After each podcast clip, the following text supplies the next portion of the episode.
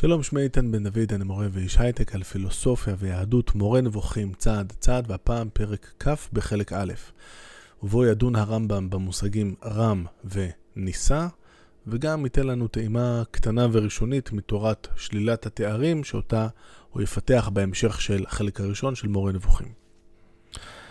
רם הוא שם משותף למשמעות רום המקום ומשמעות רום המעלה, כלומר הרוממות, הכבוד והעיקר.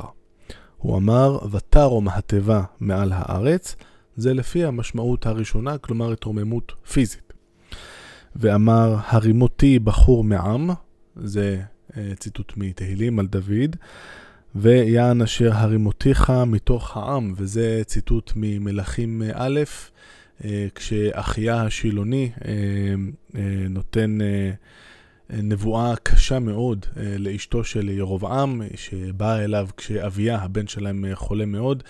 היא אה, מתחפשת במצוות ירבעם ובאה לנביא כדי לבקש על בנה, והוא אומר לה משהו כמו, למה את מתנכרת ואנוכי שלוח אלייך קשה, יש לי דברים קשים מאוד לומר לך, והוא אומר את זה. בעצם הוא אומר, בשם אלוהים לירבעם, אני אמנם, אני הרמתי אותך מהאשפתות, ותראה מה עשית, איזה דברים אה, רעים ונוראים, וכשתחזרי הביתה, איך שאת נכנסת לעיר הילד ימות, ואכן כך היה לפי המסופר, סצנה מאוד קשה. לפי המשמעות השנייה, היו שתי ה, אה, אה, שני הציטוטים הללו. וכל ביטוי של הרמה האמור על האל הוא במשמעות השנייה הזאת, כלומר מבחינת רום המעלה, לא התרוממות פיזית.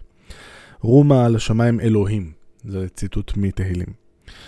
עד כאן אה, לגבי רם, סך הכל אין פה, אני חושב, קשיים אה, מיוחדים והדברים עולים בקנה אחד עם אה, פירושים נוספים אה, לביטויים אה, דומים שראינו עד עכשיו, והרמב"ם ממשיך מיד למש, למשמע, לניתוח המשמעויות של נישא.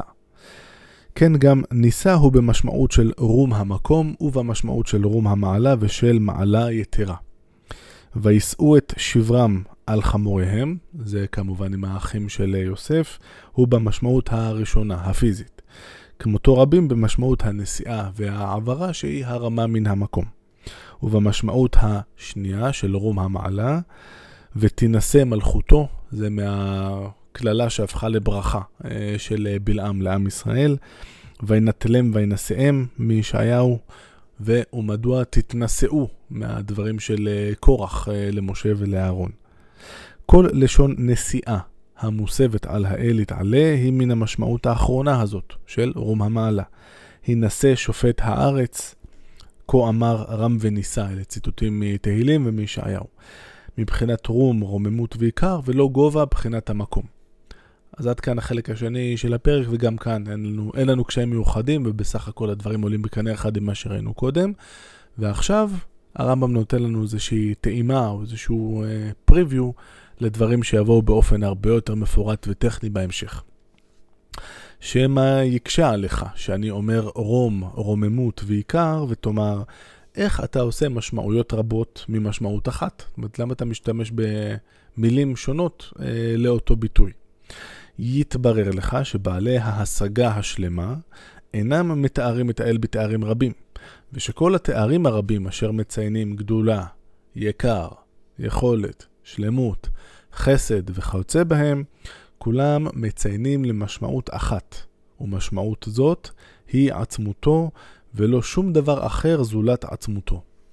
כלומר, בסופו של דבר כל התארים אה, שאנחנו מסבים על, אה, על האל, במידה מסוימת אפשר לומר שכולם הן מילים נרדפות, זאת אומרת אין באמת עניינים שונים שאנחנו מצביעים עליהם אה, באל, אלא כולם יש להם את אותה משמעות, ולא זו בלבד, זאת לא משמעות נוספת שנוספת על עצמותו של אלוהים.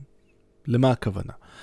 אם uh, ניקח אותי, אפשר לתאר אותי באופנים uh, רבים. אני גם uh, אדם עם משקפיים, אני גם אדם בגובה מטר אני גם אדם עם קרחת וכן הלאה. אז כל התארים האלה, בשפה שלנו, כמו שמתארים כל דבר אחר, מציינים היבטים שונים שלי, של איתן. אבל אה, אומר הרמב"ם, בעצם כל התארים שאנחנו כן מייחסים אה, לאלוהים, בסופו של דבר הם לא מביעים אספקטים שונים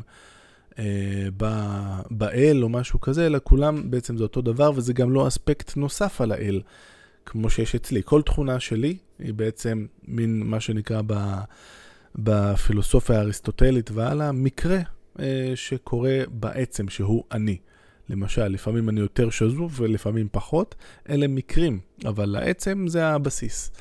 אומר בעצם כאן אה, הרמב"ם ונותן לנו איזה טעימה ממה שיבוא בהמשך, כל תואר שאנחנו מתארים בו את אלוהים, בסופו של דבר לא זו בלבד, שהוא לא דבר נפרד והוא לא שונה מכל שאר התארים שאנחנו אה, אה, מקשרים לאלוהים, אלא ב, בשונה מכל דבר אחר שאנחנו מתארים, כאן התארים ב, בסופו של דבר חסרי משמעות, כולם נסובים על העצמות של האל, על האל עצמו האחד והפשוט והלא מורכב.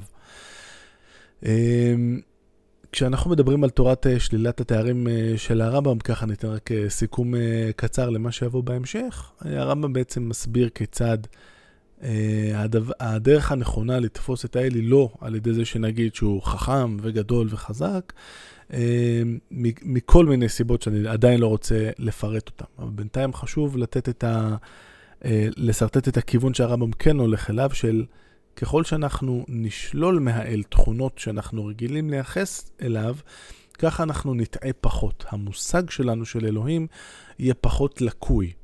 למשל, אם אני יודע להגיד שלאלוהים אין גוף, כבר התקדמתי.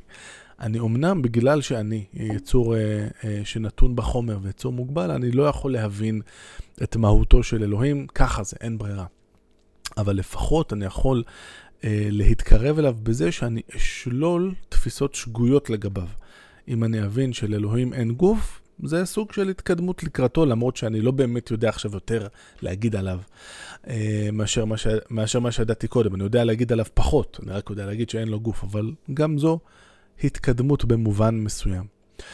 אז האמירה ש, שכן יש לנו כאן, שכל התארים בעצם שאנחנו רגילים לתאר את, אה, את, ה, את האל בהם, הם בעצם אותה משמעות, והמשמעות הזאת בעצם הם לא מתייחסים לשום מקרה, לשום אספקט של האלוהות, אלא רק לאלוהות עצמה. יש כאן התרמה של uh, התורה המהפכנית של הרמב"ם, שאותה הוא יפרט בהמשך. רק נגיד uh, למה זה, כאילו, למה, למה זה כל כך חשוב. Uh, זה כל כך חשוב מכיוון שאנשים דתיים רגילים לפנות לאלוהים כל יום במגוון רחב מאוד של ביטויים ושל תארים. כי זה מה שיש לנו בתפילה. זאת אומרת, לא זו בלבד שהמקרא מלא בתארים אה, כלפי אה, האל שהוא רחום וחנון, ולפעמים הוא כועס יותר או פחות וכן הלאה. זה, זאת אה, צרה אחת מבחינתו של הרמב"ם, צרה במובן הזה שהיא מובילה אותנו לטעות ולייחס לאלוהים תכונות. אה, הבעיה השנייה היא מה שקורה בתפילות. שלוש פעמים ביום עומד היהודי הטוב, ויורה כבר על אוטומט, כי ככה זה, את אה, האל הגדול, הגיבור והנורא אה, וכן הלאה וכן הלאה, מהדברים מהתפילה. וזאת אומרת, כבר אי אפשר אה, לחשוב על, על, על אלוהים בלי לחשוב כביכול על תכונות, על רכבת התכונות האלה שתמיד נגזרת איתו. וזה גם בעיניי לא מקרה שהוא אומר את זה בפרק שהוא, שהוא דיבר בו על רם וניסה.